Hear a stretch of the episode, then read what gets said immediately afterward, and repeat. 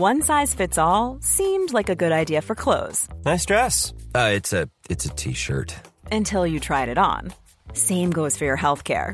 That's why United Healthcare offers a variety of flexible, budget friendly coverage for medical, vision, dental, and more. So, whether you're between jobs, coming off a parent's plan, or even missed open enrollment, you can find the plan that fits you best. Find out more about United Healthcare coverage at uh1.com. That's uh1.com.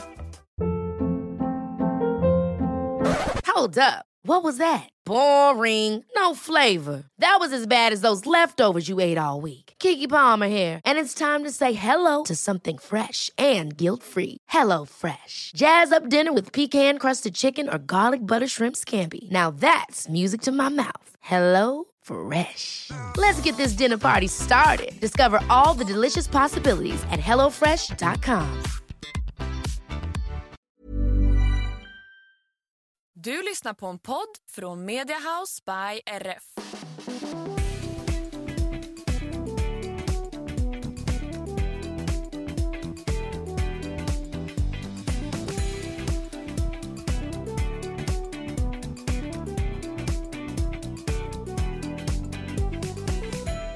Hej allihopa och välkomna till systrarna Älvstrands hästpodd avsnitt 190. Tjenare, namnet här är Anna. Och mitt namn är Emma och det här är podden om oss, våra fyra hästar och ridsporten i stort och smått. Det stämmer och idag är det ju avsnitt 190 som sagt och det innebär att vi ska ha frågepodd. Men först så tänker vi att vi i vanlig ordning ska ta och uppdatera lite om våra liv. Och jag vet en fråga som vi har fått in Emma. Det är hur mår ni på riktigt? Jo men eh, jag skulle säga att jag mår ganska bra nu. Mm, skönt. Ja, jag, jag har haft eh, en period där jag har sovit lite halvt dåligt men nu har det varit bättre det senaste. Mm. Så jag känner mig ändå ganska så stabil nu skulle jag säga. Gud vad skönt. Jag tror också att jag ändå känner mig, eller det går ganska mycket upp och ner för mig har jag insett. Igår hade jag en ganska dålig dag och hade mycket ångest och så och ofta så brukar jag ändå känna att okej jag får ångest på grund av det här. Men igår var det en sån där dag som jag bara, jag, jag vet inte vad det beror på. Det bara kändes som att jag hade ett tryck över bröstet hela dagen och sånt är ju lite jobbigt. Jag tror att det beror på att vi hade en väldigt stressig vecka förra veckan. Vi hade ju liksom fullt upp hela tiden. Ja. Och när du väl hade en ledig dag, det, det är ju ofta då som kanske ångesten kan komma. För man, tyvärr är det ju så att du hinner ju typ inte få någon ångest. Eller du hinner inte riktigt känna efter hur du mår om du har mycket att göra. Det kan säkert vara så, men jag kände bara igår att ja, jag var väldigt nere och hade ångest. Men det är liksom, alltså ångest för mig, det, nu låter det kanske lite knäppt, men jag försöker se det som att ja, men man har huvudvärk en dag. Ja. Det, det är inte hela världen för att jag Nej. vet att det är ju ingenting som drabbar mig varenda dag. Och det är klart att behöver man söka hjälp för det så ska man ju göra det. Men jag känner att det är liksom bara en biverkning av någonting. Ja men det är ju också ganska så naturligt att ha ångest då och då. Ja, det är det absolut. Så att det är ju inga konstigheter så. Men igår var ingen jättebra dag. Men sen så idag känner jag mig ändå taggad på en ny vecka. Men jag har så sjukt ont i ryggen. Ja, vad beror det på då? Jag har ingen aning. Jag vet inte om jag har sovit konstigt i natt eller något. För att det drar i hela vänstersidan på ryggen. Och egentligen så har jag ju tänkt att hoppa fokus idag. Inför tävlingen i helgen. Men jag tror inte att jag kommer kunna göra det. Vi får se. Vi får se. Du, det, du kanske repar dig lite nu när vi har poddat sen. Ja, vem vet. Men det är lite störigt i alla fall. Jag tycker det är så jobbigt när man har ont på ett sätt som man inte... Jag menar, jag brukar ju ha lite ont här och var i kroppen. Jo, vi båda brukar ju det. Ja, men när man har ont på ett nytt sätt så bara, jaha, vad är det här då? Men ska vi ta och uppdatera lite om förra veckan då innan vi går in på frågorna. Mm. Vart ska vi börja någonstans? Vi, vi har ju dels delat upp hästarna Ja, men i, precis. i hagarna så att nu går Bella och Tage tillsammans i ena lösdriften och de andra tre går tillsammans i andra lösdriften. Eh, Det har ju varit lite gnäggigt och gnälligt ibland som det brukar vara. Ja, det är ju framförallt Pebban som är gnäggig och gnällig. Hon saknar ju sin Bella. Men alltså det hade nog inte spelat någon roll vem vi hade ställt Nej. I andra hagen så hade hon ju gniggat efter dem. Men hon är ju så vänlig. Hon Ja. älskar ju alla hästar. Ja, men så man- det är väl det som är grejen. Ja, så är det ju verkligen. Och vi tänkte ju lite sådär att ja, men ska vi verkligen prova att ha Bella och Tage ihop? För att Bella är ju bossig som tusan och Tage är lägst i rang. Men det har funkat så bra. Jättebra. Så det känns jätteskönt verkligen. Jag tror Bella tycker det är skönt att Tage, han är, han är inte så på som de andra hästarna. Nej, och hon behöver inte heller använda så himla mycket kroppsspråk för att han ska förstå att han ska flytta på sig utan det räcker att hon vinklar ett öra typ och han bara okej okay, jag Ja. flyttar på mig. Och så de går ju tillsammans i hagen. Det är ju sällan som de går långt ifrån varandra. Tage han kan ju vara lite enstöring ibland så när allihopa har gått tillsammans så kan ju han gå typ så här i ena hagen och de andra hur långt bort som helst. Men nu har de gått så här några meter ifrån varandra nästan hela tiden känns det som. Hänger i lösdriften tillsammans och ja, de är för gulliga. Ja. Men annars så har vi ju tagit hand om Tage och Bella samtidigt så gott som varje dag. För Bella hon ska gå ut och gå varenda dag, 20-30 minuter ungefär. Och sen så har hon fått Metacam och sen så tar vi ju sån här LED-ljus på hennes ben som är skadat. Men alltså hon är så rolig för det var ju någon gång som du var ute och gick på henne själv och då vägrade hon typ att gå. Men hon hatar ju att vara ute och gå själv. Hon, eller hon hatar ju att vara ute och gå överhuvudtaget för hon ser ju inte syftet med det hela. Nej. Så då går jag en bit, sen så stannar hon och bara nu tänker inte jag gå längre. Så då får jag vända henne om, backa några steg, fortsätta gå. Så stannar hon igen så får jag backa några steg. Ja. Så det är ju helt klart mer harmoniskt om Tage än mig också. Ja och det är så kul för det känns så typiskt Bella. Jag vet. Och något som vi också har gjort med Tage det är att vi har tagit av hans skor. Jag vet att vi har fått lite frågor om det ifall han kommer att fortsätta ha skorna på sig eller inte. Men vi ser väl egentligen inget syfte i att ha skor på en häst som inte rids. Och man kan ju ha barfota även om en häst rids. Men han, vi hade ju det ett tag och det funkade bra ett tag tills grusvägarna blev för steniga. Då blev han för umfotad så då skodde vi på igen. Men eh, nu så har han blivit av med skorna och det märks såklart att det är lite omställning för honom. Och sen så rå- råkade han ju såklart också trampa på en liten sömbit när våran hovslagare skodde av honom. Ja. Så då var han lite dramatisk ett tag och blev också lite, lite alltså känslig i den Mm. hoven. Så det tar nog ett litet tag innan han vänjer sig. Men det är ju det som är så skönt för att hagarna är ju, består till så här 95% av gräs.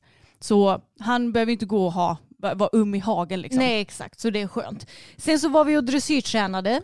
I tisdags blir det. Mm. Och det, alltså så här, Pebban har varit lite klurig i dressyren det senaste. Och det är ju säkerligen för att nu är det ju många hästar som kanske känns lite sisådär i ridningen. Det är pälssättning, många kan bli svårare i ridningen, kännas kanske inte lika motiverade som vanligt och få lite olika ridbarhetsproblem.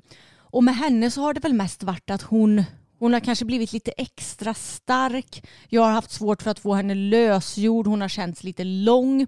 Men vi fick ju lika bra hjälp av Pia som vanligt. Ja och Och- det är det som är så fantastiskt för att man kan ju komma med en häst som känns skitdålig att rida och sen så tar det ett tag och så är den fin igen. Ja men exakt, så hon kändes jättemycket bättre i slutet av passet. Och jag tycker också det är viktigt att eh, liksom visa det här att det behöver inte kännas 100% varje dag. Ifall du går in eh, på början av ett ridpass med typ så här, ja men idag är det en 20% känsla, att hästen känns 20% av vad den kan göra typ.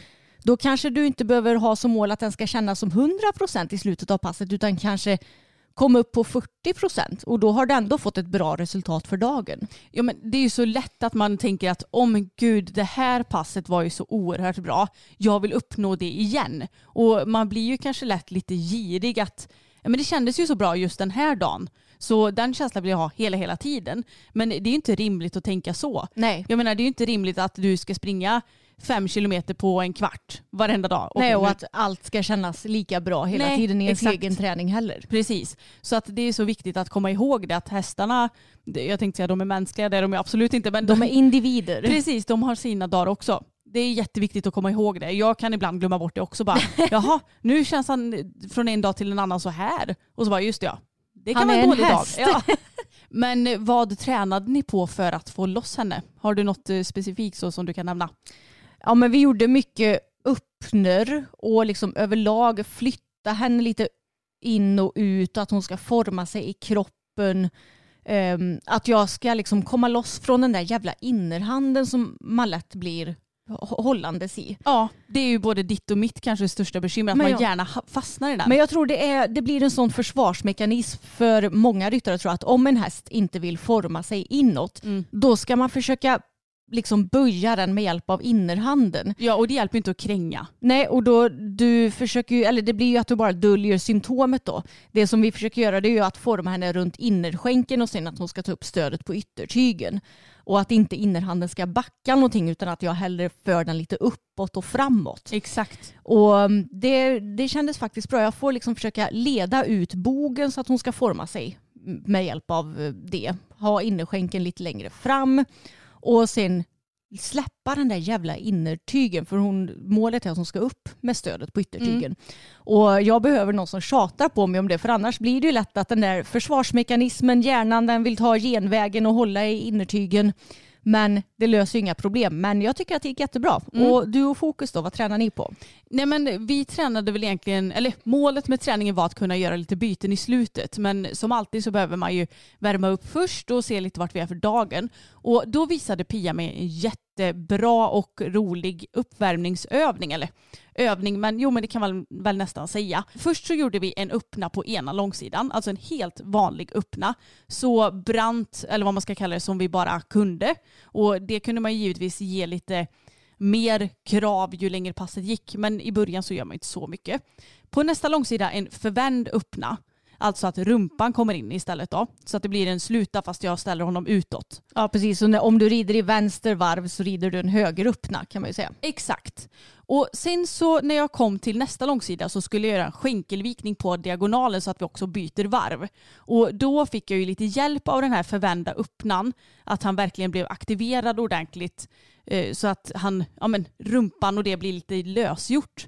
Och så gjorde vi skänkelvikning och sen gjorde vi likadant i andra varvet så att vi började med öppna, förvänd, öppna, skänkelvikning. Och det här tyckte jag var en så himla bra uppvärmningsgrej. För dels så kommer man ju loss ordentligt. Jag som ryttare måste vara väldigt vaksam med hur jag använder mina hjälper. Och dessutom så är det också de här grejerna som Fokus har svårt för.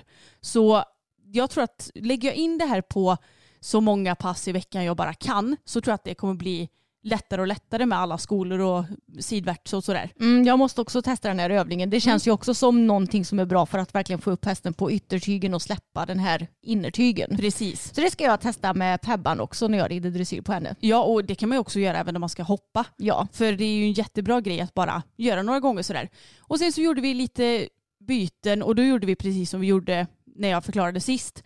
Att vi red i förvänd galopp och sen så ja, men vill jag få ut bogen lite så jag ledde ut bogen och sen så ställde jag om honom så att han gick utåtställd fast inåtställd blir det ju mm. eftersom han går i förvänd galopp och så tog jag tag i ja, den nya yttertygen och så la ett byte. Ja. Och alltså ja, är verkligen så imponerad över hur fina byten han lyckas göra då. Mm. Så det kommer nog på sikt bli väldigt bra tror jag med de där bytena. Ja men vad kul. Och sen så i onsdag så hoppade vi lite grann hemma med mm. Sigrids hjälp. Vi hade ställt upp en bana och det var väldigt skönt att få hoppa lite hemma bara själva. För vi hade ju ganska dåligt självförtroende efter förra hoppträningen, tyckte det var svårt. Så nu ställde vi upp väldigt basic, typ huset kan man ju säga. Ja. Och det gick ju jättebra med båda hästarna. Ja, Fokus han var lite typ spice i den här dagen. Och ibland när jag ska vända upp så kommer det liksom en lite så här något, eh, jag vet inte vad han gör riktigt. Han ska kicka till lite och sådär. Ja. Så lite spicy var han, så jag hade lite svårt för att svänga vissa gånger. Men jag fick en jättefin känsla på hinder och vi hoppade ju dessutom bana på typ, ja det var nog mellan 90 och en meter tror jag. Ja. Så det känns jätteskönt att självförtroendet börjar verkligen bli bättre. Jag var inte rädd en enda gång och det är klart att vi har hundra saker att jobba på men det känns ändå som att vi börjar få in ett bättre och bättre flyt i hoppningen. Inga tårar när vi byggde fram banan. Nej. Nej. Väldigt skönt. Väldigt skönt. Ja, men alltså, det känns som om ditt självförtroende det blir bara bättre och bättre nu i hoppningen. Ja men nu känner jag mig ändå ganska så självsäker. Även om det är klart att jag inte tror att jag kan allt. För jag menar det visade ju sig på sussiträningen till exempel. Så känner jag mig ändå allmänt ja, men, tryggare just nu. Mm. Så nu ska vi bara fortsätta att hålla i det här så att det blir ännu bättre. Ja, härligt. Sen var vi iväg och filmade i torsdags hos familjen Reinhold. Har vi tur kommer den filmen upp nu på lördag för vi håller ju på att eh, förhoppningsvis producera igång vår första proffsfilmade serie på kanalen. Mm. Och eh, det här blir då pilotavsnittet av den serien. Så ifall det går bra så kommer vi att fortsätta med det helt enkelt. Så vi får se. Har vi tur så hinner William få upp eh, eller få klart videon tills på lördag. Så håll tummarna för det. Och sen slutligen den här veckan så var ju jag och tävlade Pebban i Falköping. Yes. Jag red en meter igen äntligen. Jag har ju inte gjort det sedan jag råkade trilla av när jag klantade mig så. Och jag får säga att det kändes faktiskt väldigt enkelt med en meter. Det såg sjukt enkelt ut för er. Det kändes inte högre eller svårare än 90 centimeter så det var väldigt skönt att känna att ja, men balansen kändes bra för det är ju balansen som har varit min största vad säger man, osäkerhet Ja. i hoppningen på henne. Men balansen kändes riktigt bra. Det som var svårt det var att ja, men Falköpings ridhus det är ju mindre än Alingsås ridhus till exempel som vi tävlade i förra gången. Och när jag red den banan så kände jag att ja, men det var lite mer som att rida på en utebana. Jag hade väldigt mycket plats på mig och det blev lättare att hålla kanske en bra galopp då. Nu så var det så här, det var, det kom, hindren kom snabbt och jag och Pebban är inte tillräckligt liksom kvicka än för att kanske få till det flytet än på tävling på lite mindre bana. Så jag fick inte riktigt lika bra flyt som jag fick i Alingsås men hon var jätteduktig, kändes jättefin. Framhoppningen var hon superfin på. Ja, alltså guld, verkligen. Ja, och det, det var ju ute på stora banan så då hade vi massor av plats. vi behövde helt enkelt träna på att hoppa på mindre banor och att hindren ska komma snabbt och att jag vågar då hålla galoppen i svängarna och sådär. Men jag tycker ändå att vi fick ett ganska bra flyt har jag ju sett nu när jag har sett filmen. Det var någon gång som jag kanske ja, la in något språng för mycket och sådär men vad fan. Det gör var man. ingen biggie. Det var ingen biggie. Och hon kändes jättefin. Det var division 2 laghoppning och jag var sist ut i laget. Alla andra tre ryttarna hade varit felfria så oavsett hur det skulle gå för mig så hade vårt lag slutat på noll fel då. Och jag visste ju redan innan du red in att Mm. laget hade vunnit. Ja, det visste ju inte jag. Nej. Men jag tänkte inte på det utan det var ju så här, mitt mål var ju att ja, men jag ska rida felfritt för Ja. jag vill ju hoppa omhoppning själv oavsett Ja. hur det går för laget. Och det kändes så bra eh, hela banan. Jag hade ett sista hinder kvar och det var en oxer ur en ganska snäv högersväng. Och det är ju det som har varit vårt största problem, högersvängarna. Men nu har de blivit så himla lätt att svänga mot vad de var förut så det är inte något större problem längre. Men jag hade planerat väldigt noga hur jag skulle rida i svängen och när jag red på banan så kände jag att yes, nu rider jag riktigt bra i den här svängen. Nu får jag till ett jättefint framåtläge och jag var typ nästan mest nöjd med den här anridningen av alla anridningar jag gjorde på hela banan. Vad händer då? då? Jo, vi får till vår första rivning på tävling. Ja, och har du hunnit kolla något på filmen så du har hunnit analysera vad som hände? Nej, jag har, jag har kollat på filmen men det är ju jättesvårt att säga för det filmas ju lite bakifrån. Ja. Jag tror att hon eventuellt kanske blev lite lång och bara inte fick till tillräckligt bra stamp helt enkelt i uppsprånget. Nej. Och det var ju verkligen ett pet också. De bara rullade Ja. ner den där lilla jävla bommen. Kunde den inte ha legat kvar va? Ja, det var riktigt typiskt. Så du var ju ändå ganska besviken på Ja. resultatet efteråt. Ja, det var jag. Jag är ju tävlingsmänniska så jag Ja. vill ju vara felfri och jag kände verkligen när hon tog av att yes, nu kommer vi vara felfria. Så dum till min förvåning när jag insåg att nej, det var vi inte. Nej, och det roliga var också att du gjorde en riktig så här ponnygrej. Att du tittade bak på hindret Ja, efteråt. Jag bara, det där har Emma typ aldrig gjort. nej. För det är ju en grej som, visst nu var det sista hindret så det var ju verkligen skitsamma. Mm. Men man ska ju inte hålla på och titta om man har rivit eller inte. nej, men sista hindret är ändå okej. Ja, det är det. Men jag var riktigt besviken, inte på hästen såklart utan bara på att marginalerna inte var på vår sida den här gången. Ja, och jag sa ju det till dig att någon gång så måste ju första rivningen på tävling komma. Jo. Och det var det den här gången. Ja. Och det var liksom inte, du har ju inte gjort, i och för sig det är ju nästan bättre att det kommer när man verkligen har ridit skitdåligt till ett Jo. hinder. Men samtidigt som vi sa förut, hästarna är ju också djur. Mm. Hon kanske inte riktigt hade koll på tassarna Nej. för en gångs skull. Nej men faktiskt det kändes som hon blev lite paff över att oj nu kom det ett hinder där för att det var ju väldigt tajt ur den svängen. Mm. Så det jag hade kunnat göra det är kanske att jag hade kunnat ta ut svängen lite mer, samlat galoppen lite till och lagt till ett till språng. Ja.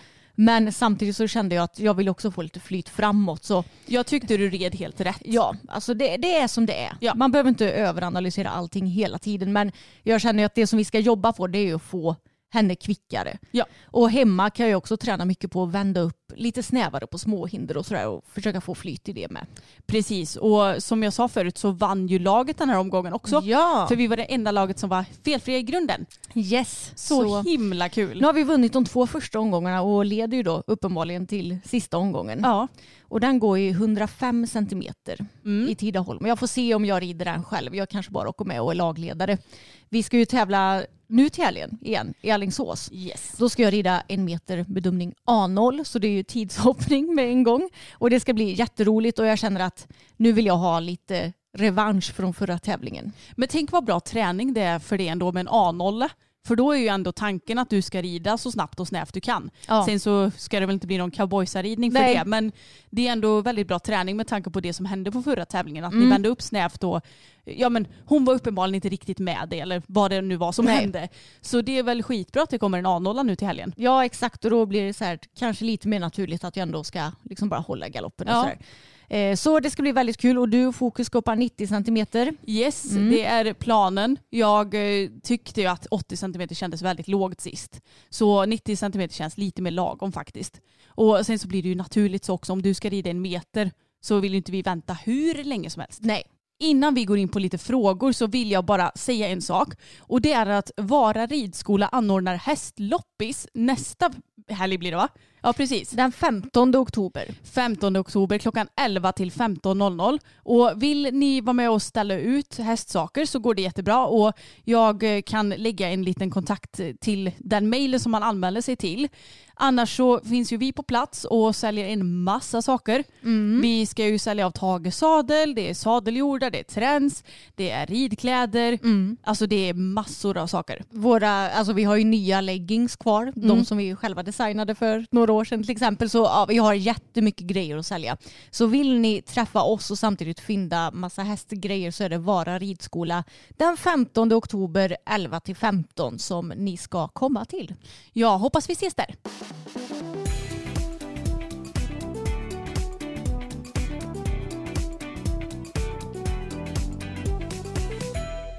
Okej, då tänkte vi att vi skulle ta och gå in på lite frågor och jag tänker att vi ska börja med en som är lite hustig. En fråga till podden. Hur reagerar era hästar på älglusar? Min häst blir väldigt stressad så det blir sällan harmoniska skogsturer denna tiden på året. Har ni tips på hur man kan undvika dem och hur brukar ni göra?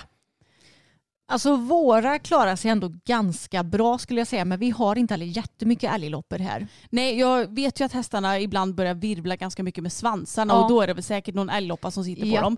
Men jag tänker det man kan göra, det som jag spontant tänker på, det är ju kanske att ha flugtäcke även nu. Mm. Alltså ett ridflugtäcke. Ja. För jag menar då kommer de ju kanske förhoppningsvis inte på kroppen på samma sätt.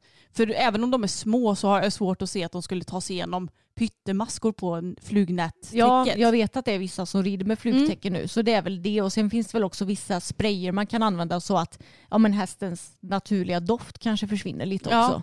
Som kanske funkar. Eh, Jag har inte testat något nu i år Nej, inte jag heller. men eh, det är ju lite som det är med de där jäkla älglopporna. De är så fruktansvärt äckliga. De är nästan värre än blindningar för blindningar ser man ju ändå kan smälla ihjäl. Ja, Men älgloppor de, de gräver ju sig liksom in i pälsen så de syns ju inte på hästarna. nej. Och det är samma när de kommer på en själv.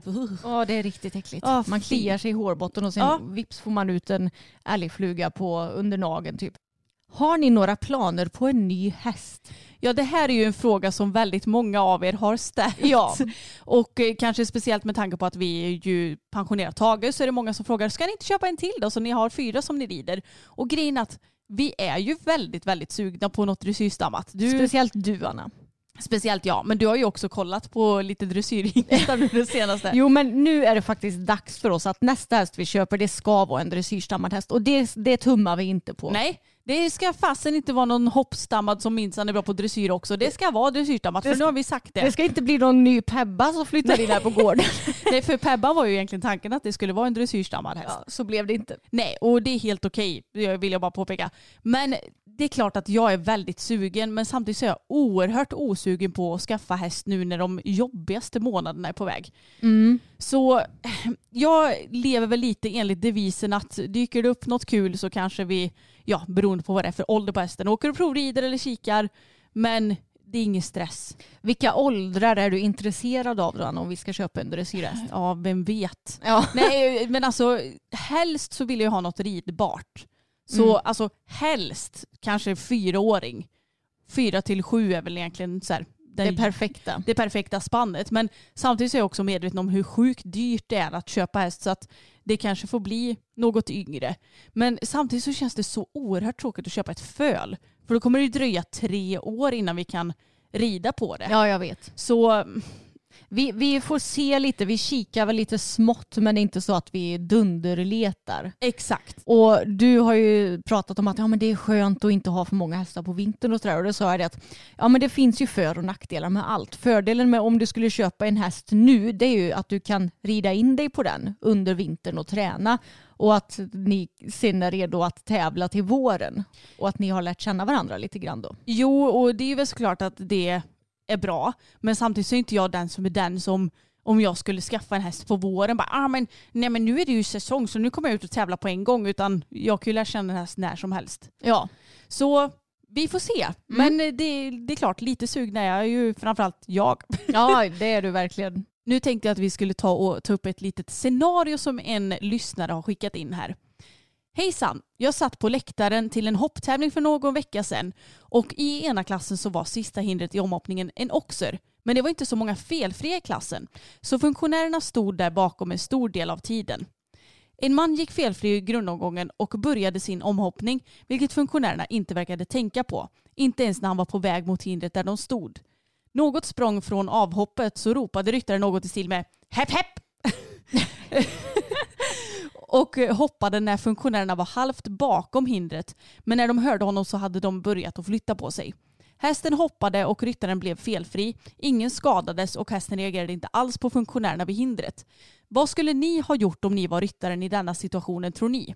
Ni är bäst och jag älskar både er podd och andra kanaler. Och så gulligt. Ja, Och sånt här är ju så otroligt svårt för att jag menar vi funktionärer, ser jag eftersom att jag är funktionär på tävling också, är ju inte mer än mänskliga. Så ibland så kan man ju verkligen glömma bort vart ryttaren är på banan.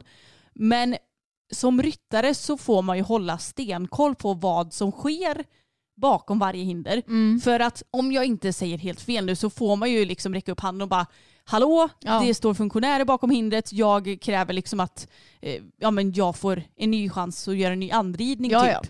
Eh, eller kanske till och med göra om omhoppningen eller ja, något sånt. jo men det får man ju absolut. Ja, eh, så att det hade man ju kunnat göra men ibland så är det ju så svårt att hinna reagera för att du är så fokuserad, Fokuserad, ja. vid att du ska hoppa det här hindret och så står det funktionärer bakom och så hinner man kanske liksom inte reagera riktigt. Nej, och framförallt när man har lite adrenalin i kroppen också Ja. som man ju brukar ha när man hoppar omhoppning. Det, det är jättesvårt att säga hur jag skulle reagera i den situationen för jag har ingen aning om hur min hjärna skulle reagera. Man vill ju ja, men, tänka sig att ja, men jag hade också räckt upp handen och bett om Ja. Men vem fan vet? Det, jag har inte varit i en riktig sån situation. Jag vet att någon gång när jag tävlade boppen så stod det en funktionär bakom eller i ett hinder när jag var på väg mot det och då var det en så här relaterad avstånd och jag blev så här jag blev helt frozen. Visst la du in ett till Jag la in galoppsprång ett extra galoppsprång och då hann hon flytta på sig och jag klarade hindret felfritt. Ja. Så det löste ju sig men i en omhoppning så alltså, det blir ju så mycket snabbare beslut då Ja. också på något sätt. Precis för man ska ju gasa upp. Ja exakt. Men jag vet ju att hade jag hoppat fokus så hade ju han bara eh, Matte det står hind- eller folk i hindret, jag kan inte hoppa det här. Nej. Så han hade ju säkert sagt ifrån om inte annat. Ja, precis. Ja, nej, nej, jag hade nog inte styrt på i alla fall. Det, jag tror att min hjärna hade bara, nej men Emma det, det kan du faktiskt inte göra. Ja, men samtidigt så tycker jag ju ändå inte att mannen gör fel. Nej. För att jag menar, man är inne i sitt tävlingsmode, du är fokuserad på att du ska hoppa det här hindret och ja men de lyckades ju ändå bra. Ja, vilken eh, så här, duktig och fokuserad häst får man ju säga. Verkligen. Om man har en stark häst, ska man då ha ett skarpare bett och slippa dragkamp? Är det säkrare eller ha ett mildare bett och vänja in? Alltså det här är ju lite mitt dilemma just nu med Pebban känner jag, för hon är ju stark. Jag är inte van vid starka hästar sedan tidigare. Alla våra andra hästar har varit väldigt mjuka i munnen och liksom lätta, tar en bra kontakt. Men Pebban hon blir ju lätt stark. Och då får man ju försöka, återigen, inte bara gå på den här quick fixen utan se varför är hon stark Mm. och hur kan jag jobba bort det här långsiktigt. Och i hennes fall så är det så att hon är ju lite framtung. De flesta hästar som jag har ridit som är byggda mer i nedförsbacke de blir ju mer starka än hästar som är byggda i uppförsbacke för att de lägger lite mer naturligt kanske vikt på frambenen och, och får också mer naturligt mer stöd i handen. Så med henne så försöker jag att inte rida på skarpa bett utan jag rider på rätt så milda bett. Har ett något skarpare bett i hoppningen men alltså Det är Ja. verkligen marginellt. jag hade lätt kunnat haft ett eh, skarpare bett i hoppningen för det är inte jättelätt att få halvvalterna att gå igenom där. Nej. Men jag försöker att jobba jättemycket på i dressyren att hon ska bli kvick med sina bakben, att hon ska vinkla sig så att hon jobbar mer i uppförsbacke och jag märker ju så himla tydligt att när jag får till det här i dressyren då blir hon så mycket mjukare i handen. Så att hon är stark är ju bara ett symptom på ett större grundproblem. Mm. Och så tror jag det är för alla hästar som är starka. Så ifall jag skulle sätta mig och rida på ett skarpare bett då märker jag ju inte heller när, alltså, Hon jobbar mer korrekt. nej, och när grundproblemet har blivit bättre. Nej. Och jag ser, alltså hade jag tyckt att det vart, hon vart farligt stark så hade jag kanske betslat upp henne lite grann. Men nu tycker jag ändå att det funkar ganska bra så som det är nu. Ja, men vi tycker ju inte att det är fel att rida på något skarpare bett heller. Det vill vi ju verkligen påpeka. Men i vårt fall så har vi valt att göra så här för att verkligen ja, men få bukt på problemet Ja, exakt. som ändå existerar. Och jag tycker inte det är något konstigt att periodvis kanske ha ett lite skarpare bett och huvudsaken är att hästen ändå trivs på bettet oavsett om det är skarpt eller inte. För du provade ju ett, var det ett Kimblewick på Pebban? Eller vad var det för Nej. bett? Ja, Nej. nej, det har jag inte gjort. Men du har provat något bett i alla fall på henne. Som du lånade av Filippa. Ja, ja, just det. Det har jag kanske gjort ja. Ja, men jag kommer inte ihåg exakt vad det var för bett nu på rak arm. Men vi har provat något som är lite skarpare men då försvann hon ju helt från handen istället. Ja, exakt. Och det är ju min mardröm när Ja. det kommer till ridning. Man vill ju ändå ha något sug fram till handen. Exakt. Så det gäller ju ändå att oavsett hur skarpt bettet är eller inte så vill man ju ändå att hästen ska trivas på det och ändå ta ett stöd. Eh, Eller ja, så tycker ju vi i alla fall. Precis. Vad tycker ni om skrittmaskiner? Tycker ni att det är ett sunt sätt att motionera hästarna på och skulle ni velat haft en själv? Alltså jag tycker inte det är något fel på skrittmaskiner så länge man inte ersätter hästens hagtid med att den ska gå i en skrittmaskin istället. Exakt, du sa, vad heter det, ord på mina tankar. Word, Ja. words of my mouth. Ja men verkligen för att jag tycker också att det kan vara bra. Jag menar precis som oss människor så kan vi ibland behöva lite extra motion för att vi behöver bli av med energi eller vad som helst. Mm. Och det är väl jättebra att hästarna får gå och skritta lite i en skrittmaskin eller på ett skrittband eller vad man nu väljer att ha. Men det ska ju inte vara så att ja, men eh, hästarna kommer ut från 10 till 2 så mellan 3 och 4 eller 6 och 7 så får han skritta lite i skrittmaskinen. Nej, Liksom. och tro att det väger upp tiden den går Mm. miste om i hagen ja. Men då får den ju extra motion. Ja, nej.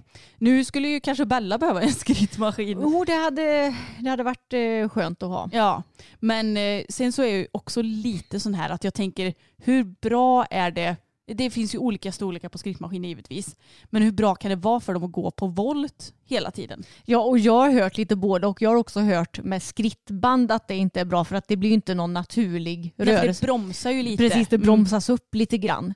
Det kanske blir lite som typ fibersand Ja. om hästen hade gått på fibersand hela tiden. Just det, så- så då kanske skrittmaskin på volt liksom ändå är bättre. Ja, jag har hört lite både och. Ja. Eh, Så ja, det är också så här, hur mycket sliter det på hästen? Jag vet inte riktigt. Nej. Så det är svårt att säga.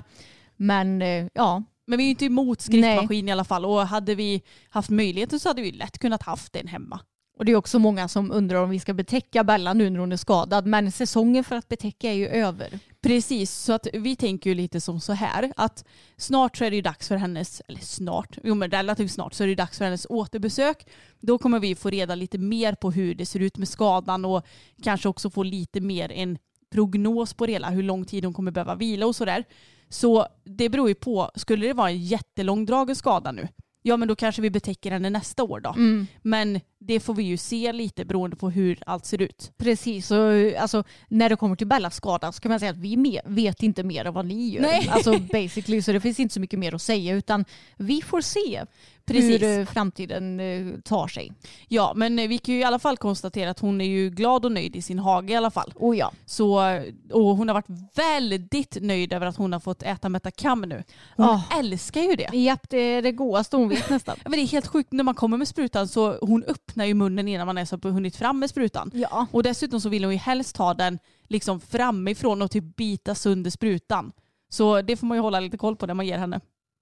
I juni gick jag och hästen omkull rejält i snabb trav. Han skadade knäna ordentligt och jag föll av.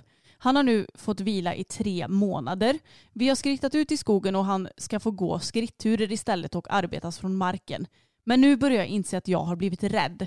När jag ser videor på min story från vänner som galopperar och även era, era, era stories så får jag magknip och blir stressad och nervös. Jag känner mig rädd. Har ni tips för att bota detta? Och har ni varit sådär ordentligt rädda förut? Ja men först och främst så kan vi säga att vi har ju ett helt poddavsnitt tillägnat just ridrädslor där vi gästades av Emelie Espegren som jobbar som mental coach bland annat. Och ska vi ta och länka det i beskrivningen Anna för det var väldigt nyttigt avsnitt tycker jag. Ja men jag tycker det och det var också ganska länge sedan vi spelade in det avsnittet så att vi kan absolut länka till det. Och det här med rädslor är ju väldigt klurigt och jag tänkte att vi kan prata lite allmänt om det.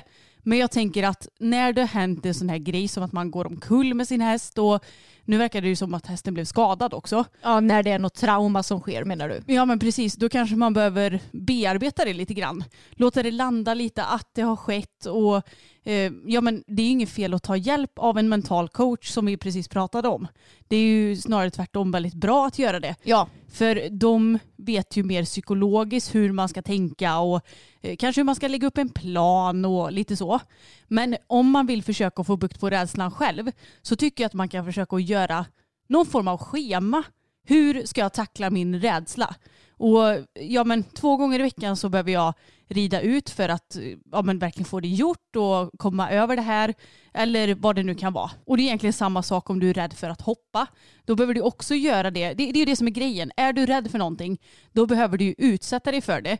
Men det ska ju inte kännas som en så stor utmaning att du ja men inte vet jag, tuppar av av rädsla. Nej, det ska ju vara en lagom stor utmaning. Det ska Mm. vara lite utanför comfort zonen men det får inte vara för mycket utanför comfort zonen för då blir det ju kontraproduktivt. Utan du ska ju ändå, ja du kanske inte kommer känna dig bekväm men du ska ju inte känna dig livrädd för det du ska göra. Precis, så det är väl egentligen det som jag tänker att man kan göra. Och sen också om det nu känns tryggare, kanske tryggare att rida ut med någon om man nu är väldigt rädd för den situationen för då är du åtminstone inte rädd. Och sen också, Du menar inte själv? Ja, ja men precis, att man inte är ensam. Ja. Men något som jag också tänker på det är ju så här, har det hänt någonting? För jag har också typ trillat av i skogen och blivit lite nojig efter det. Bland annat så vet jag att Tage blev rädd för en solkatt när vi var ute och konditionstränade en gång. Så då blev jag ju lite sådär, jaha det här kanske händer igen. Ja. Men om man tänker efter, hur ofta händer sådana här saker? ja. Det är inte så att man går och trillar av eller går omkull vartenda pass. Nej men det är ett ganska bra exempel när jag ramlade av boppen och bröt armen för Mm. en väldans massa år sedan. Och då blev jag ju lite osäker efter det och det är ju ändå, det kontrollbehovet i mig har ju ändå suttit kvar lite sedan dess. Mm. Och jag vet att när vi pratade med Emily så sa hon, ja nu har du ju det här traumat i ditt huvud men tänk så många gånger du har hoppat och det har gått bra. Även om jag inte har kommit perfekt på hinder, även om jag har varit lite kanske wild and crazy och inte lagt honom perfekt så har det ändå gått bra. Det här är en gång av säkert, jag vet inte, säg tusen gånger som, som det gick dåligt. Ja, säkert, eh, jag vet inte hur många språng, hundratusen språng. Nej men det, det är ju verkligen inte ofta som det går åt skogen. Nej. Utan det händer väldigt sällan, även om det känns läskigt just nu så kommer det ju komma en tid där du lägger det här bakom dig. Men det gäller ju verkligen att jobba med det. Och känner du att det känns för stort och övermäktigt själv så tycker jag verkligen att du ska ta kontakt med någon mental coach. För att Ja. ja, men som jag sa, de kan lägga upp ett bra schema, du har någon att bolla med, du har någon att prata ut om händelsen med. Det, jag tycker bara att det det är väldigt underskattat med mental coach.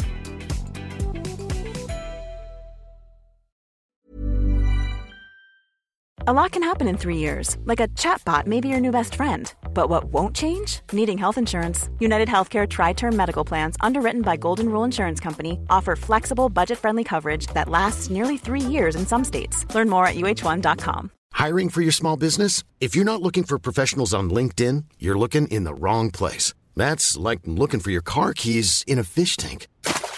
LinkedIn helps you hire professionals you can't find anywhere else, even those who aren't actively searching for a new job but might be open to the perfect role. In a given month, over 70% of LinkedIn users don't even visit other leading job sites. So start looking in the right place. With LinkedIn, you can hire professionals like a professional. Post your free job on linkedin.com slash people today. Ni har haft en del hagrelaterade skador det senaste. Funderar ni någonsin på att ha era hästar i en mindre flock? Hell no! Nej, Nej. jag skojar bara. Men eh, nej, alltså skador händer ju.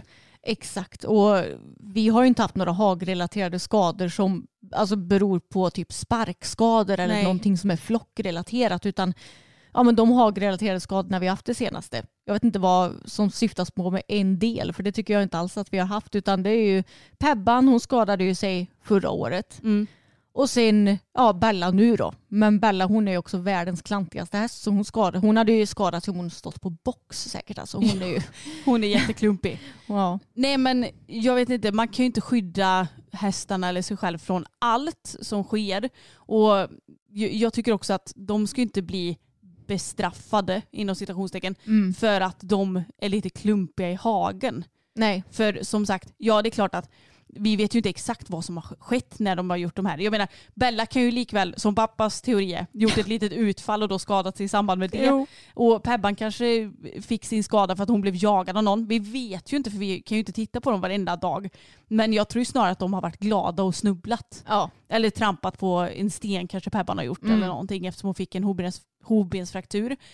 Men man kan inte skydda dem från allt. Då får vi ju i så fall sätta dem i eh, 10 gånger 10 meter hagar ensamma på grus typ. Ja, och sådana hästar skadar ju sig också. Ja. Fast de kanske får andra typer av skador. Precis, så att eh, det går inte att skydda hästarna. Nej, och vissa hästar är ju också mer skadebenägna än andra. Det får man ju bara inse. Fokus till exempel, han är ju peppar peppar extremt skadefri. Alltså han har aldrig skadat sig. Han har fått ett sår som jag behövt sy. Och sen så har han, han har ju faktiskt blivit sparkad. Men då får han ju absolut skylla sig själv för att han har ju säkert gått och bitit tag i rumpan och så har Tage sparkat honom. För Ja. han fick ju en eh, svullnad på bogen. Han har fått två gånger.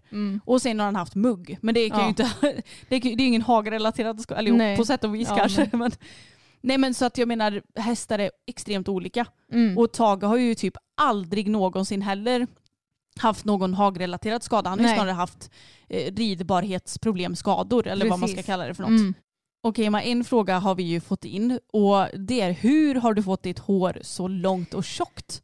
Ja, alltså det enkla svaret på den frågan är att jag började medicinera för min hypotyreos och jag slutade att bleka sönder mitt hår. Ja, Alltså det, det, jag har testat många olika sorters schampon och ja, men inpackningar och behandlingar. Nu det senaste har jag ju snöat in mig lite på sådana här bond builders. Alltså typ behandlingar för håret som ska eh, som du kan ta i innan dusch och ja som men ska, typ som Olaplex och... Ja precis, som ska reparera håret. Jag Mm. vet faktiskt inte riktigt hur mycket jag tycker att det hjälper. Jag, jag, jag kan inte säga att jag tycker att jag har märkt någon skillnad på dem jag har testat. Nej. Jag har testat Olaplex och jag har testat Redken och nu senast har jag testat L'Oreals.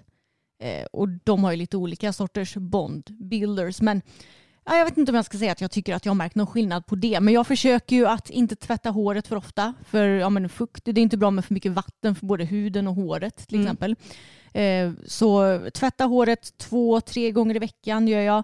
Jag eh, kör på inpackning så gott som varje gång. Eh, att håret ska få i sig både ordentligt med protein men också fukt. Och det är olika vilket hår du har. Alla hår har ju olika sorters behov.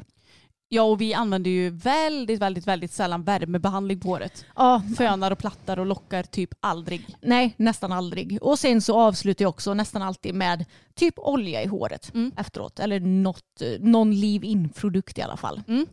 Så det är väl egentligen min rutin och ja, men försöker vara medveten om att jag inte ska slita för mycket på det. Ja men man kan ju också säga att eh, A och O är ju egentligen att må bra. Ja, ja. För jag menar som sagt, du, dina värden var ju åt skogen när du när ditt hår började att gå åt Ja, och det ska ju tilläggas att jag har ju egentligen ett bra hår. Ja. Alltså mitt hår har ju nästan alltid varit bra förutom under en viss period i livet. Mm. Sen har jag ganska, jag har tunna hårstrån men jag har mycket hår. Ja, Så du och jag har ju väldigt olika hårtyper. Du har ju mycket tjockare hårstrån och ditt hår hästhagel. Ja, du har ju lite mer hästhagel, jag har ju lite mer fint skandinaviskt hår. Men att jag ändå har så många hårstrån att mitt hår blir tjockt. Så mitt hår har ju lättare för att bli slitet än ditt till Mm. exempel. Men vi båda klipper väl oss typ två gånger om året skulle jag säga. Ja, ungefär. Okej Emma, en fråga här. Hade ni haft kvar hästarna om ni var tvungna att ha dem uppstallade någon annanstans och ej fick ha dem hemma längre? Ja men självklart. Men tror du vi hade haft alla fyra ändå? Nej det tror jag då inte. Nej, men vi hade haft häst. Ja ja. Men kanske varsin eller ja, Ja två. precis det tror jag. Ja, vilka säljer vi av då? då? Ja exakt. Nej men eh, då, då hade ju, men Tage det hade ju inte kostat så mycket att ha honom på lösdrift ihop med någon Nej. antagligen. Men eh, då har vi också en eh, bifråga på det här. Om ni hade letat ett inackorderingsstall, vad hade ni haft för prioriteringar eller krav och eh, vad hade varit viktigast? Ja men det som hade varit viktigast är ju stora och bra hagar där Mm. hästarna kan gå tillsammans. Bra hagetider så att de liksom inte kommer ut vid åtta och in vid fyra för det tycker vi är för lite till exempel. Ehm, gärna någon ridbana där man kan rida på, det är klart ridhus hade också varit toppen. Men det såklart. hade ju varit ett plus. Precis och sen bra ridvägar. Mm. Det är alltså ungefär så som vi har idag tänkte jag säga. Men det, det är lite kul för vi har ju stått uppstallade och då var ju kravet typ prio ett ridhus, prio två att det ska finnas någonstans för dem att gå ut typ. Vår hästhållning har ju ändrat sig lite Jo. med åren. Och vad är era erfarenheter av inackorderingsstall, positiva som negativa? Ehm, ja men när vi stod uppstallade på ridskolan så var det ju positivt. Mm. Det, då var vi ju ganska unga också. Men då tyckte vi ju bara att det var jättekul. Vi var ju på ridskolan hela tiden. Sen har vi stått i ett annat inackorderingsstall där vi vantrivdes väldigt mycket. Och det var ju kanske lite till följd av det som vi valde att köpa egen gård också. Absolut skulle jag säga. Mm. Och det har varit mycket personkemier tycker Ja. jag att det handlar kanske allra mest om. För att på ridskolan, ja men då hade vi inte jättestora möjligheter att rida i ridhuset för att det var mycket lektioner och sådär. Men det var liksom skitsamma för att vi var ett så gött gäng och älskade att hänga där oavsett så att det löste sig ändå. Vi hade ju mycket större chans eller så att rida mer på vårt andra inackorderingsstall som vi stod uppstallade på. Men det trivdes vi inte för att ja, men vi gick inte så bra ihop med människorna helt enkelt. Nej exakt. Så personkemi är ju kanske det absolut viktigaste. Vilket är Emmas favorithudvård slash sminkmärke? Och jag tänker att vi kan ju svara på det här båda två. Anna. Och herregud, ja. Men jag tänkte säga, jag är inte så himla fanatisk när det kommer till olika märken utan jag har ju lite av varje. Ja, och varför det då? Är det för att du tycker det är kul att testa saker eller är det för att du... Ja, och ibland så vill jag så här, jag, jag uppskattar budgetprodukter och när det kommer till budgetsmink så har jag två favoritmärken. Det första är Makeup Mecca. Det är skitbra. Alltså de har så jäkla bra foundation som kostar typ så här 50 spänn och man tänker hur bra kan det vara? Jo, skitbra. ja, vad är det den heter? Den som jag har en Eh, liten tub. Daily Silk. Daily Silk Foundation, ja. Mm. Den är superbra. Moisty Matte är också väldigt bra. Ja, den har inte jag Eh, testat. nej, men de har jättebra foundations. Det enda är att shade-rangen är ju rätt så värdelös. Ja, så men- det är ju för ljusa hudtoner. Eller ja. Ja, precis. De har väl typ någon mörkare eller ett par mörkare. Men Ja. det är väl också ett så här litet skandinaviskt märke så det kanske är något de jobbar på till framtiden. Men de har jättebra produkter Mm. som jag har testat eh, flera stycken av och kan varmt rekommendera om man inte vill lägga så mycket pengar. Även Colourpop, det är ett amerikanskt märke som jag brukar beställa ifrån ja, men ett par gånger per år när de har typ så här ja, bra erbjudanden och där är det också så här, en ögonskuggspalett för typ 100 spänn. Alltså de har jättebilliga eh, saker också. Så där eh, gillar jag ju typ deras tinted moisturizers. De har bra ögonskuggor för priset. Ehm, ja, alltså jag har. Der- Ja. Deras rouger är jättebra. Jag har, jag har jättemycket ifrån Colourpop. Mm. Även de har ett hudvårdsmärke som heter Fourth Ray och det går också att beställa från deras hemsida. Så där brukar jag beställa ja, men lite C-vitamin, serum, niacinamid, serum och sådär. Så jag har. Så Colourpop och Makeup Mecca, mina två favoritbudgetmärken. Sen när det kommer till lite mer ehm, Lyx. ja, då får jag säga Anastasia och Colored Rain är mina favoritsminkmärken. Mm. Ja, du har ju en helt fantastisk ögonskuggspalett från Colored Rain. Ja, Den Jungle, eller vad heter den? Safari Rain. Safari. Den Mm. är så fin. Så de gillar jag. jag. Jag har ju inte testat alla märken som Nej. finns på marknaden ska ju tilläggas. Nej, alltså så mycket pengar kan man inte lägga på smink att man testar precis vad som helst. Nej. Men jag skulle nog säga, precis som du, jag älskar Makeup Meckas foundation. Sen så köpte jag faktiskt på normal, de har ett märke som heter W7, eller V7. Och jag, eh, ja, men jag kollade lite spontant på Miss Lisabells video där hon testar smink från normal, eller från V7 då. Och då köpte jag en ögonskuggspalett och en foundation därifrån. Och nu har jag bara hunnit testa ögonskuggspaletten men den var skitbra. Och den kostade så här 97 spänn och den var ju så här stor. Ja, Nu visar jag för Emma. Mm. Med eh, jag vet inte hur många skuggor. det vill säga väldigt stor palett. Väldigt stor Mm. palett ändå. Jättebra.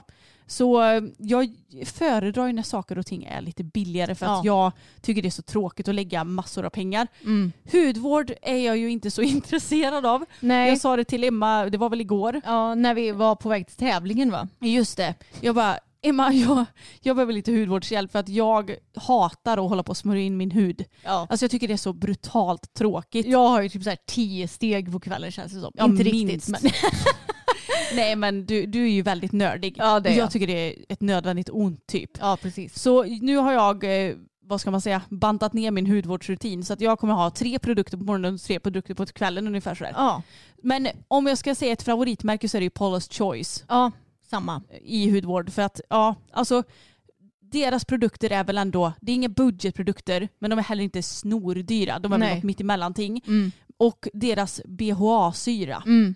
Visst heter det så? Japp. Den är verkligen jättebra. Ja det är den. Så jag håller med Paula's Choice. Mitt eh, favoritbudgetmärke är The Ordinary. Mm, ja, de har också väldigt bra Mm, grejer. Bra grejer. Så det skulle jag säga, de två märkena. Vilka sporter skulle ni välja om ni inte fick hålla på med hästar? Schack. Nej jag skojar. Men gud. Jag hade ju i så fall velat bli typ riktigt bra på bowling. Jag trodde du skulle säga typ tennis eller badminton. Jo men jag tycker det är kul också. Men min fysik är kanske inte tillräckligt bra för det nu för tiden. Jag, jag, ja, när jag var yngre kanske men nu med höftproblem och jag är inte så snabb och sådär. Nej det är ju just det. Så bowling är det som jag känner att det hade jag nog ändå kunnat bli riktigt bra på om jag la manken till. Och jag är ju tävlingsmänniska så jag vill ju helst inte göra någonting som jag ja, inte liksom tycker att jag är speciellt bra i. Men jag älskar ju alla bollsporter egentligen. Mm. Eh, Typ, eh, ja det kvittar vad. Fotboll, innebandy, basket, badminton, tennis, alltså whatever. Spökboll. Nej, skojar. Pingis kom jag på. Det behöver man ju inte springa så himla mycket fram och tillbaks. Så det Nej. hade jag kanske klarat av också. Klarat av. Ja men det är ändå, jag är ju bra på racketsporter, jag är ju före detta tennisspelare så jag har ju det i mig så att säga. Ja, det är också så kul att Emma säger att hon är före detta tennisspelare när det var typ något år hon spelade när hon var tio eller något. Eller? Jag tror faktiskt att jag spelade i typ två år till och med. Oj oj oj. Ja. Nej men ärligt talat, hade jag inte hållit på med hästar, jag hade ju inte, ja men jag hade liksom motionstränat, Jo. promenerat, gymmat, ja när nu armen blir bra. Jag ska Mm. till eh, naprapaten tänkte jag säga, nej sjukgymnasten idag när jag hör detta. Så då får vi se vad min dom blir. Ja. Men jag hade inte velat hålla på med någon sport för tävlandets skull. Nej. Jag är ingen sportig person på det viset. Nej jag är ju mer sportig än det egentligen bara att min kropp satte lite stopp för det här med att sporta för mig. Ja, vilket är lite tråkigt för jag tycker egentligen att det är lite kul men jag är inte så bra på bollsporter och sånt där. Nej. Jag är ganska dålig på det om jag ska vara helt ärlig. Så nej, jag hade inte hållit på med någonting tror jag. Nej. Mer än att motionstränat liksom. Ja, och jag har ju lite olika alternativ som jag skulle kunna göra. Ja. Men jag vet inte om jag skulle klara av någon lagsport för jag hade blivit så jävla arg på de andra i laget om jag inte tyckte att de presterade tillräckligt bra. Alltså typ fotboll till exempel. Nej precis. Jag, jag blir frustrerad bara jag kollar på fotboll ibland för att jag tycker att de är så dåliga med tanke på hur mycket de får betalt och sådär. Ja precis. Så jag vill nog ändå, om jag skulle tävla i någon sport så hade det varit en individuell sport. så jag bara har mig själv att skylla på. Mål med nästa tävlingssäsong, alltså våren då, antar jag, 2024. Ja, eh, det blir ju intressant.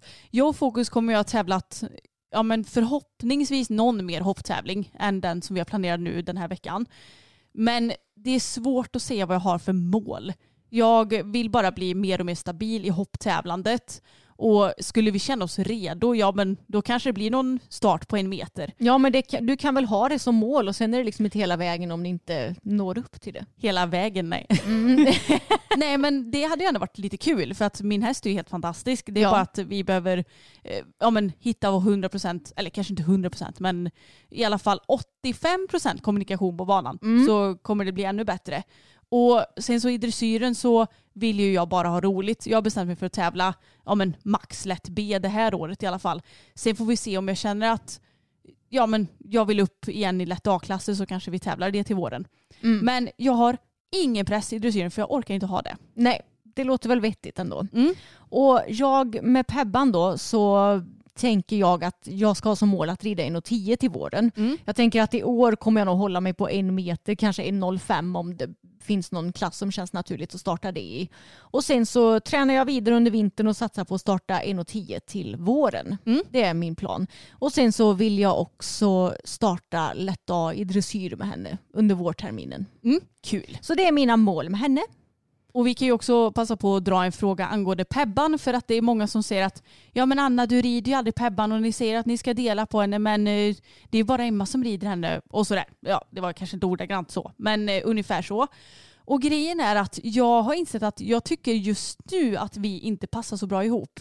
Ehm, så, och dessutom så tycker jag också att i och med att hon är lite stark och har lite eh, mer ridbarhet att önska så tycker jag det känns ganska så bra om du får träna henne så mycket som möjligt.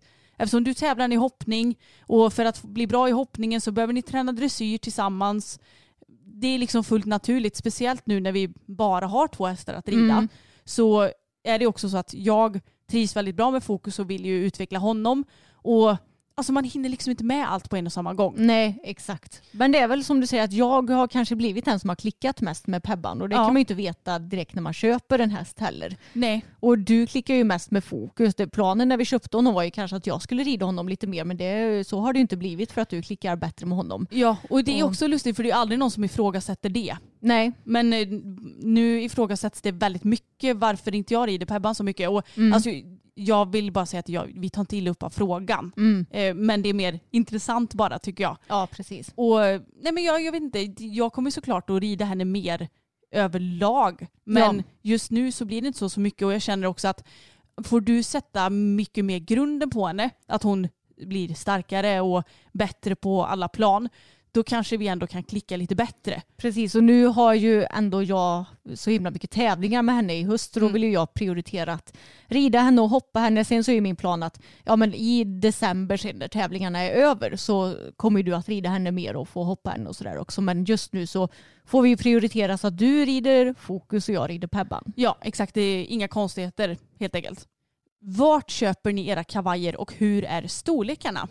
Vi har ju några olika. Ja, och det var länge sedan som vi köpte en ny kavaj nu Anna. Ja. Det var sjukt länge sedan. Jag tror att vi har vår vanliga storlek i kavajerna. Nej det har vi inte. Har vi- Montar har vi Ja, en storlek större i. Vi har, har vi en eller två kavajer från Montar? Vi har en kavaj, det är den vinröda. Just det, och den, Montar har ju lite mindre storlekar så den har vi en storlek större i.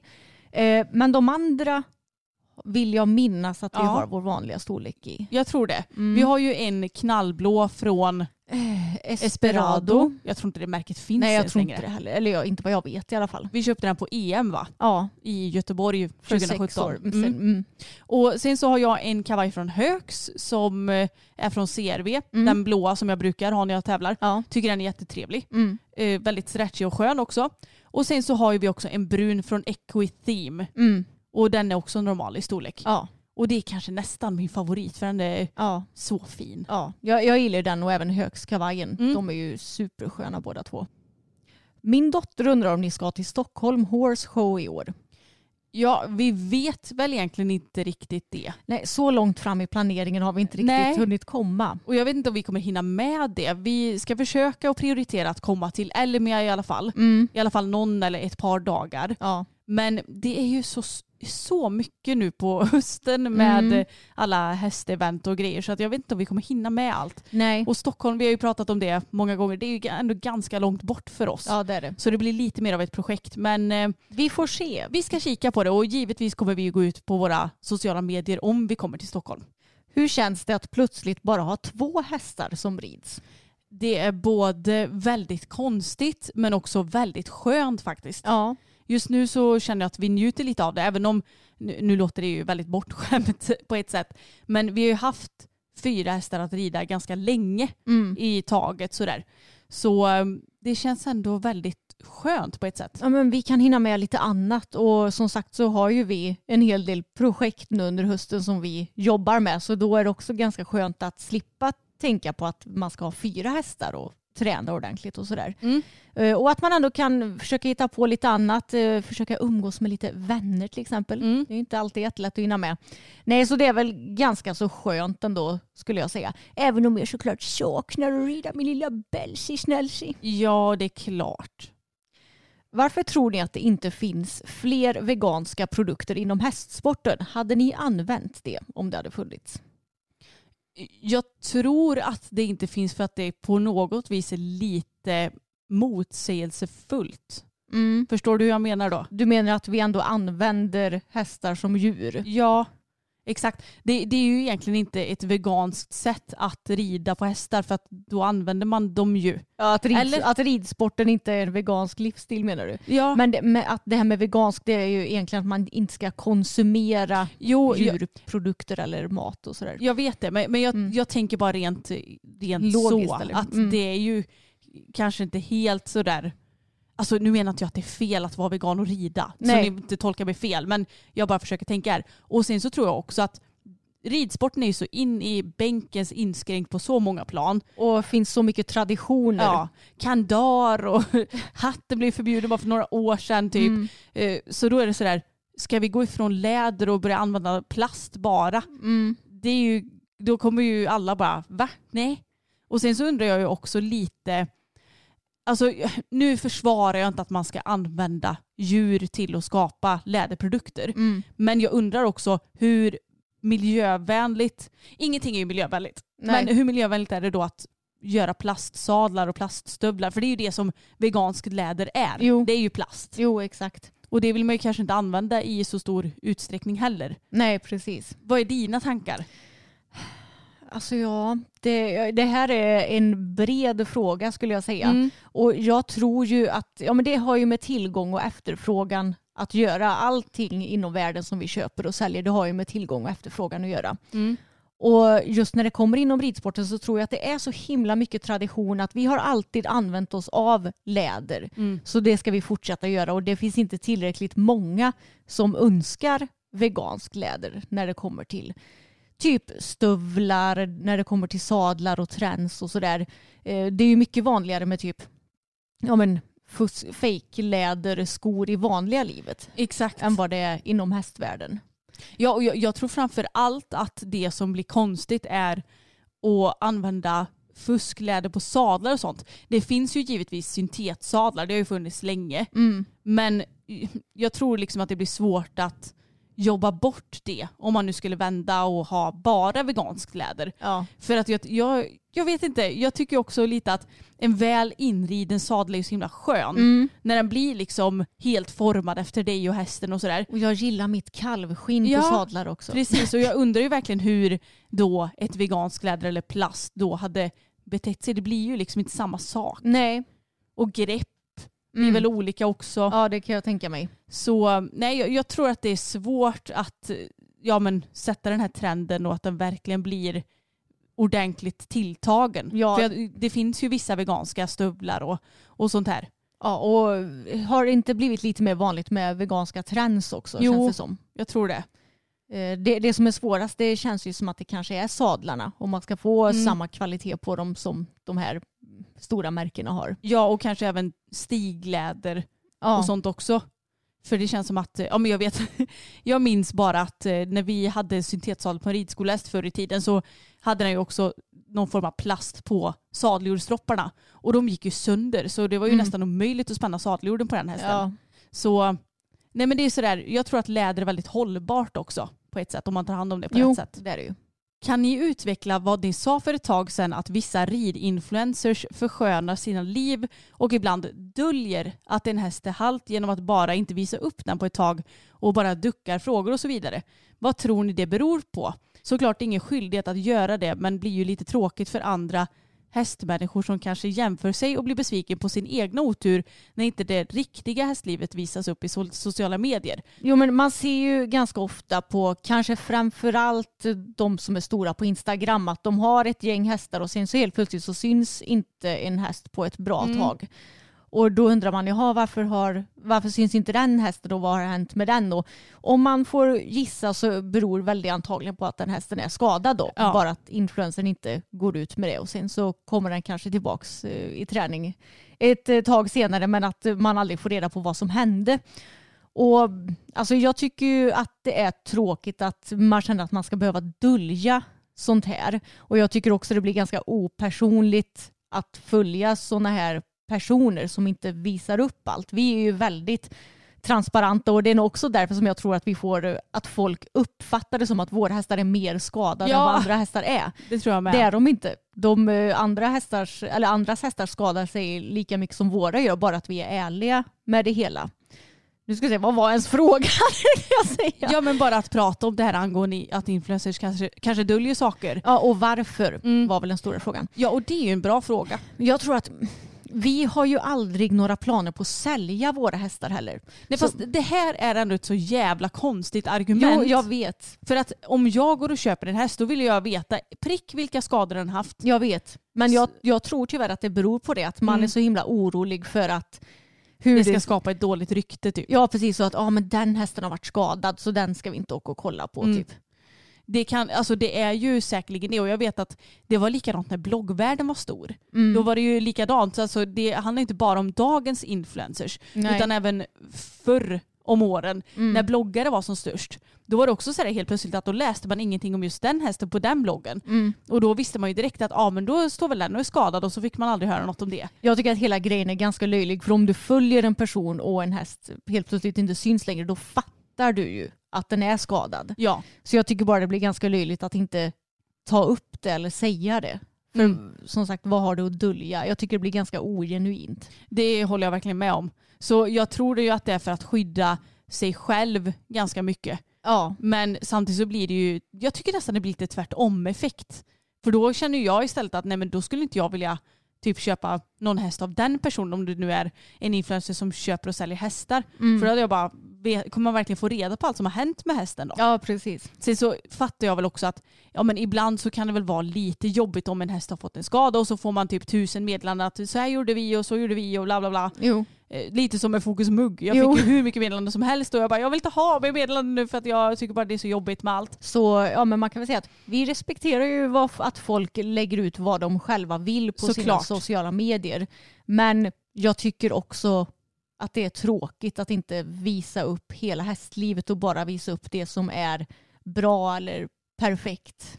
Ja och sen så när det väl visas upp något som inte är perfekt så ska det vara på ett så himla så här, kul sätt. Ja, precis. Det är bara inte så helt naturligt att man tar en bild på hästen i hagen den är lite skitig och bara struntar fullkomligt i att skriva att oj här är tagen väldigt smutsig utan Ja, bara exakt. lägga upp det utan då ska man göra en grej av det typ. Ja, ja. Jag kan störa mig väldigt mycket på den, vad ska man säga, typen av, Inlägg eller? ja exakt. Oavsett vilken inriktning du har som influencer. Ja och grejen är ju som vi sagt man har ingen skyldighet att dela med sig av precis allt på internet och det ska man väl kanske inte göra heller.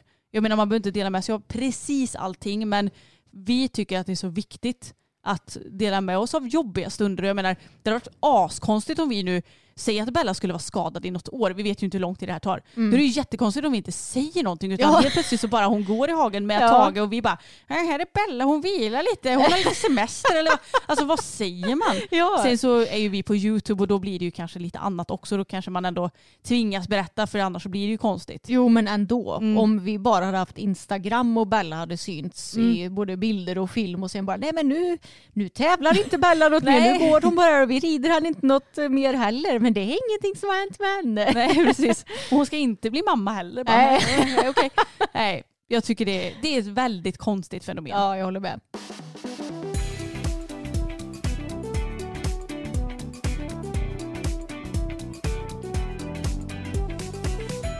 Känner ni att ni har det vuxenliv ni ville ha när ni var barn? Har ni uppnått era mål? Jag vet inte om jag visste om vad jag ville ha för vuxenliv. Inte jag heller tror jag. Du ville ju bli meteorolog och jag ridlärare så Ja. på så vis så har vi inte uppnått eh, de småbarnsmålen Nej, eller vad ska man kalla det? Jag tror nog alltid att jag har tänkt att jag ska bli någon sorts chef eller liksom egenföretag. Jag, jag har ju ända sedan jag varit liten då inte gillat när folk säger åt mig vad jag ska göra. Ja, Så det, det målet har jag ju helt klart uppnått. Sen så tror jag nog absolut att jag trodde att jag skulle ha barn vid det här laget som 32-åring. ja men när man var när man var typ 10 år då tänkte man att man skulle skaffa barn när man var typ 20 Ja, ja alltså, när man var 30 så var man ju liksom lastgammal. Ja, precis. Man hade inte samma perspektiv då kan man Nej. säga.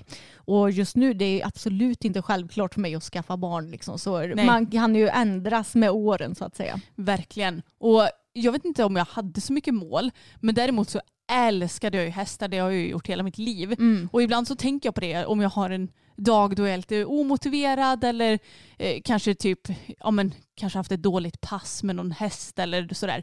Så brukar jag tänka så att nu får du tänka på det här Anna. Tioåriga Anna hade varit så jävla avundsjuk på dig. Ja. Som får gå runt och rida hästar och eh, filmar till YouTube och bara lever ett gött hästliv. Mm. Okej det är inte bara det jag gör. Men Nej. eh, hon hade varit så avundsjuk så att på ett vis så kan man väl ändå säga att jag har uppnått ett mål. ja, absolut. Men även om jag kanske, jag har aldrig haft någon tydlig plan med vad jag vill göra. Nej. Och det har ju kanske varit det som varit svårast. Jag vet efter skolan när jag tog studenten, jag bara, alltså vad gör jag nu? Ja. Vad ska jag hitta på? Jag, jag har inga drömmar, jag vill inte plugga vidare. Jag, jag vet inte vad jag vill göra. Jag vill heller inte bara typ försöka få något jobb på någon random butik eller någonting utan nej. Jag har varit ganska mållös.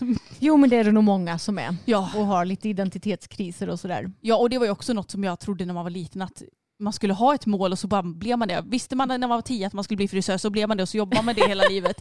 Men så är det ju inte. Nej. Vi har fått ett meddelande här.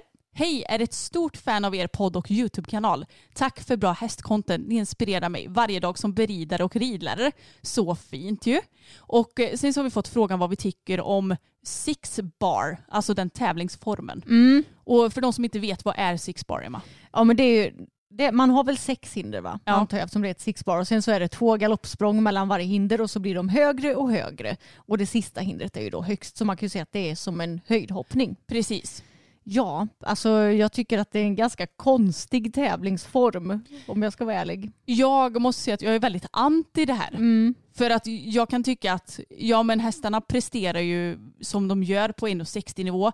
Det är allra högsta nivån och de kämpar på. Och så bara, nej men det här är ju typ en lite lek och plojklass i ett meeting. Typ eh, Falsterbo har det väl. Ja. Och sen så finns det väl säkert världen runt på lite olika meetings eller vad man ska kalla det. Eller större tävlingar. ja, Som en plojgrej fast du vinner ju ändå pengar och priser och sådär. precis. Så jag tycker bara att det är så orimligt. Varför ska vi pressa hästarna när de redan går på högsta nivån i hoppning? Mm. Varför ska de pressas ännu mer och hoppa Ja, högt? och det är ju inte en bra hållbar grej för hästen. Eller det kan ju inte vara bra för hästen att hoppa hinder på två meter. Liksom. Nej, sen så är väl ändå six bar på något vis lite vettigare än när de Förr i tiden så satte de ju bara upp en svinhög mur typ Ja. och hoppade över. Som såg helt brutalt livsfarligt ut. Mm. Det här är ju ändå väldigt rivbara hinder och, och inte farligt på det sättet. Men Mm. jag tycker att eh, ska vi försöka få ett gott rykte om hästsporten så kanske vi inte behöver ha sådana tävlingar. Nej, det är faktiskt sant. Där vi pressar skiten ur dem på ett sätt som inte är så trevligt Nej. kanske.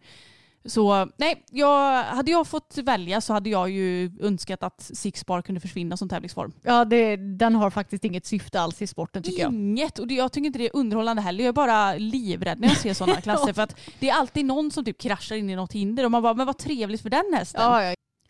Berätta om er konstigaste samarbetsförfrågan. Finns ju en del roliga företag.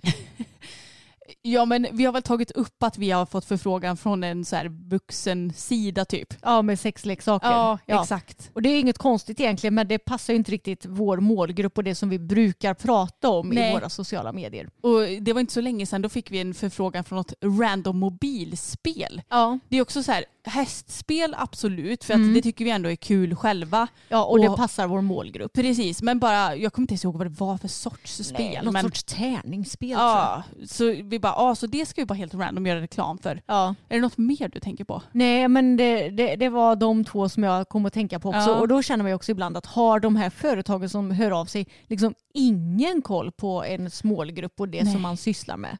Om Peder Fredriksson skulle komma till eran gård och rida en av era hästar, vem hade ni då valt? Ni får också välja en häst som inte finns längre.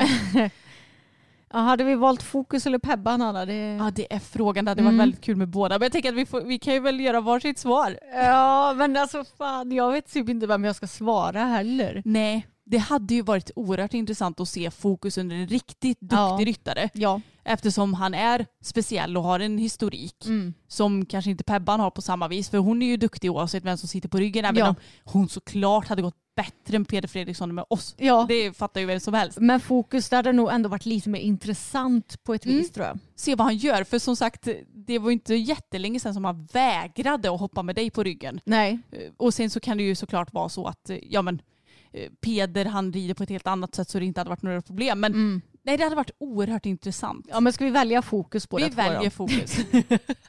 så Peder, om du hör detta, nej jag skojar bara.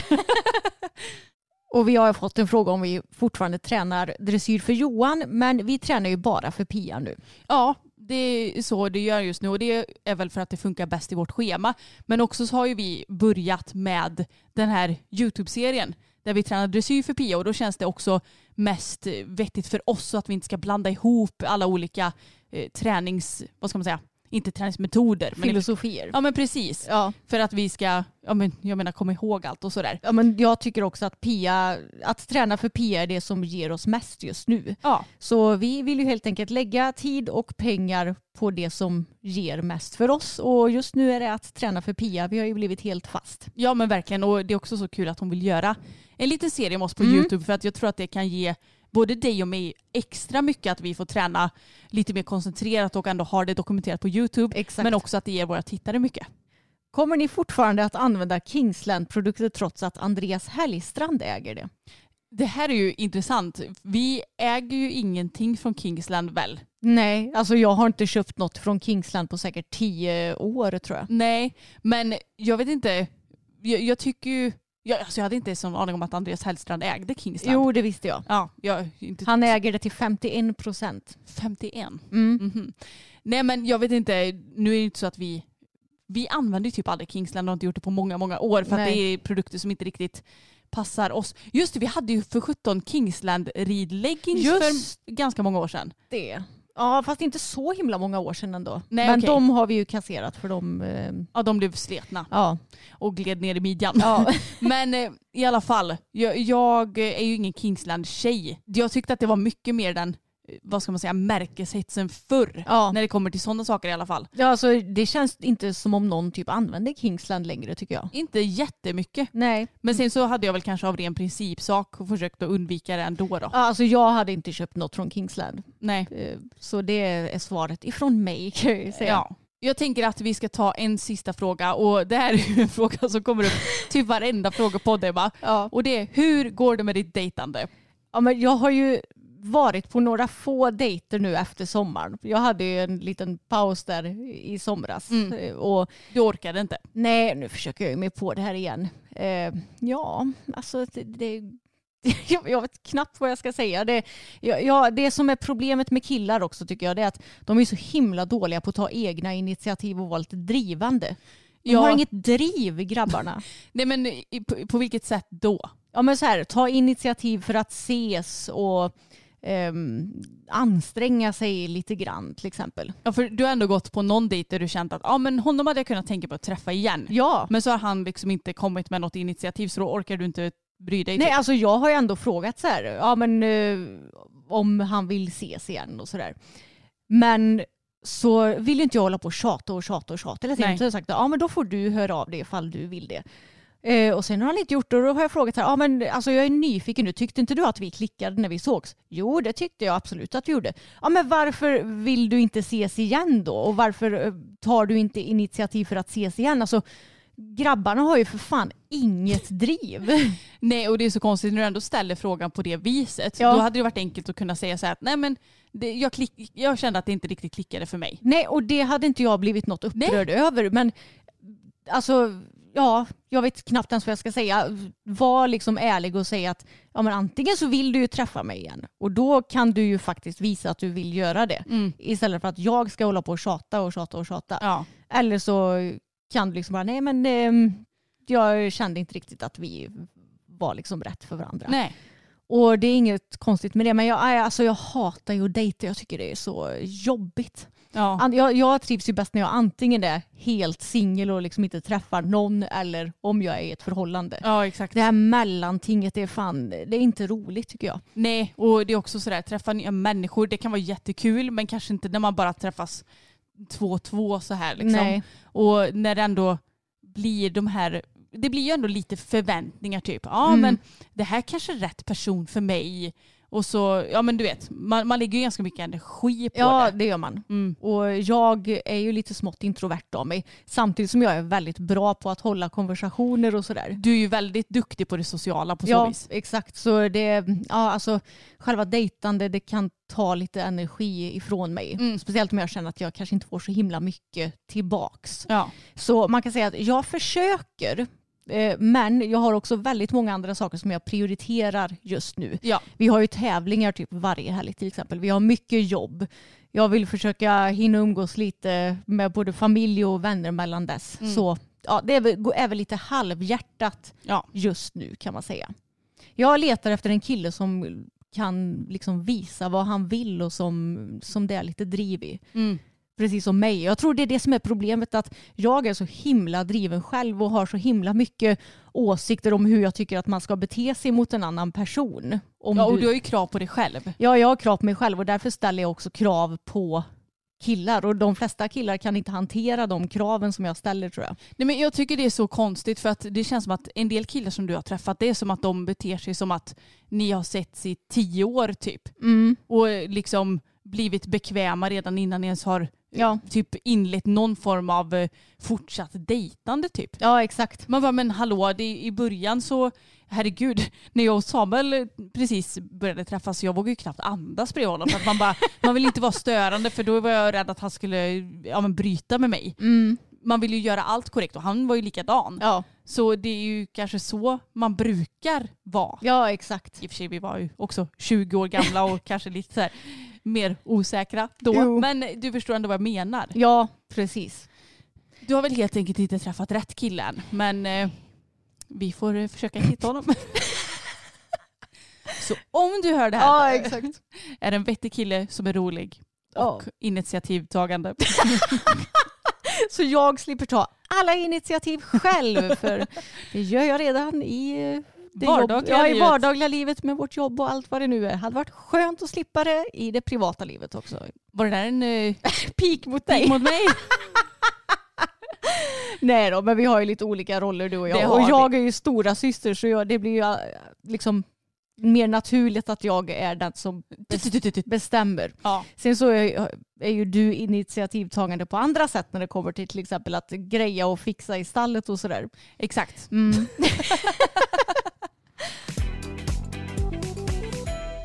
Okej, men då tar vi och rundar av dagens avsnitt och jag kommer tänka på det med. Vi har ju bara tio avsnitt kvar till avsnitt 200. Ja, det är galet. Tänk att vi har poddat nu i 190 veckor utan något uppehåll. Det är helt sjukt. Ba- Alltså, tänk vad många timmar vi har suttit och tjötat. Jag vet. Det är orimligt. Jag förstår inte hur ni orkar med oss. Nej, jag skojar bara. Men det är jättekul att ni vill följa podden. Och jag, jag tänkte att vi kan väl grunna lite på det. Hur ska vi fira avsnitt 200? Ja. Har ni några önskemål? Ja, ni får jättegärna kommentera. Vi har ju en Facebookgrupp som heter systrarna Älvstrands hästpodd eftersnack. Lämna gärna en kommentar där eller på vår Instagram som heter systrarna Älvstrand. Mm. Och eh, ni får gärna spana in vår poddmerch. Den har vi länkat till i beskrivningen.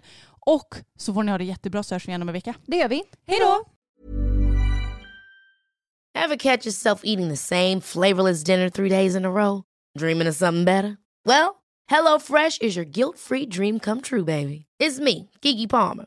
Let's wake up those taste buds with hot, juicy pecan crusted chicken or garlic butter shrimp scampi. Mm. Hello Fresh. Stop dreaming of all the delicious possibilities and dig in at HelloFresh.com. Let's get this dinner party started. This message comes from BOF sponsor eBay. You'll know real when you get it. It'll say eBay Authenticity Guarantee. And you'll feel it. Maybe it's a head turning handbag, a watch that says it all, jewelry that makes you look like the gem, or sneakers and streetwear so fresh every step feels fly. eBay gets it. So look for the blue check mark next to that thing you love and be confident that every inch, stitch, sole, and logo is checked by experts. With eBay Authenticity Guarantee, you can trust that feeling of real is always in reach. Ensure your next purchase is the real deal. Visit eBay.com for terms.